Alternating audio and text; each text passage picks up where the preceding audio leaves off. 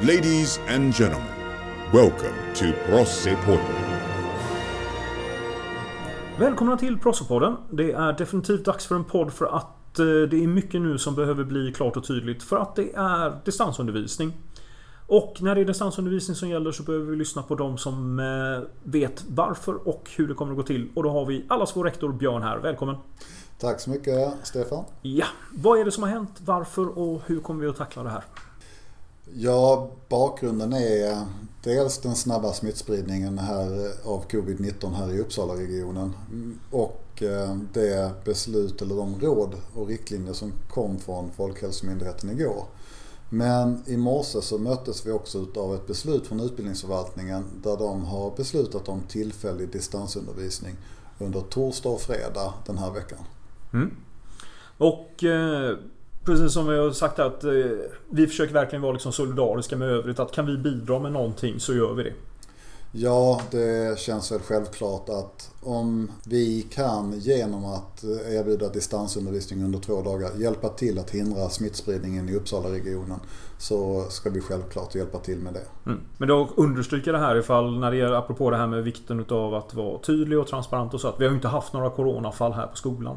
Nej, det har vi inte haft. Eh, jag har hört att det har varit en stor smittspridning på vissa kommunala skolor. Eh, men vi har inga kända fall av eh, covid-19 hos oss. Nej. Men det är liksom förutsättningarna och då vet vi inte hur länge det här kommer att vara. Det enda vi säger är att det är nu den här veckan, torsdag och fredag. Ja, det beslutet som togs det gäller bara precis. Jag vill vara jättetydlig med det. Det mm. gäller bara torsdag, fredag. Ja. Men de här torsdagen och fredagen så viktigt med hur det kommer att fungera i praktiken för att schemat gäller. Absolut, det gör det. Och för eleverna så är det en stor omställning. Man får inte träffa sina klasskamrater, man är inte i ett klassrum. Men undervisningen som sådan bedrivs på många sätt precis som vanligt. Mm. Man följer sitt schema, eh, man går in i Classroom, man klickar på länken och sen så träffas man digitalt via Google Meets. Ja. Och för vårdnadshavare och föräldrar att eh, närvaro och allt sånt där det rapporteras fortfarande. Ja, som förälder eller vårdnadshavare så kommer man fortfarande kunna följa sin ungdoms eller sitt barns eh, skolgång genom närvarorapporteringen i Skolsoft och så vidare. Så mm.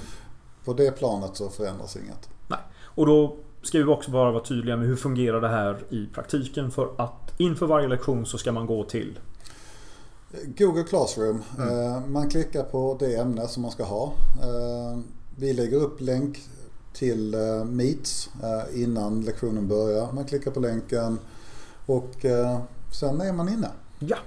Och det är ju så att många av oss som jobbar här, du, jag och ett par till. Vi gick igenom den här liksom prövningen för ett år, alltså i våras.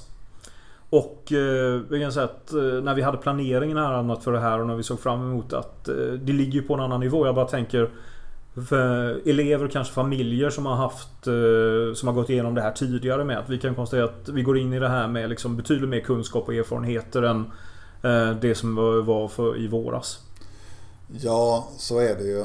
Ehm, vi har ju, tror jag, de flesta av oss väldigt goda erfarenheter mm. av distansundervisning och det är klart att det fanns många lärdomar där och då i mars. Eh, och de tar vi naturligtvis med oss in i det här arbetet under de här två dagarna. Ja.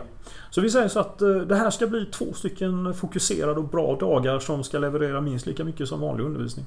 Det hoppas vi verkligen. Ja. Ja men jättebra. Det kommer fler poddar här med både tips och eh, information om vad som bättre händer på skolan avseende det som är distansundervisning. Stort tack för att du var med idag Björn. Tack själv Stefan. This has been another episode of Prosse.